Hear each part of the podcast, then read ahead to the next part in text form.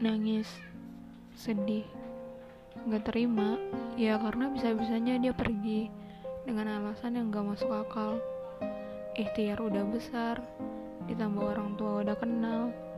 Manusiawi lah pokoknya kalau kamu ngalamin itu saat kecewa. Tapi gimana caranya ikhlas? Ya udah ikhlasin aja biar lega. Terima dengan apa ketentuan Allah. Sebelum kamu ikhlas maafkan diri kamu dulu supaya jalan semakin lapang dada semakin lega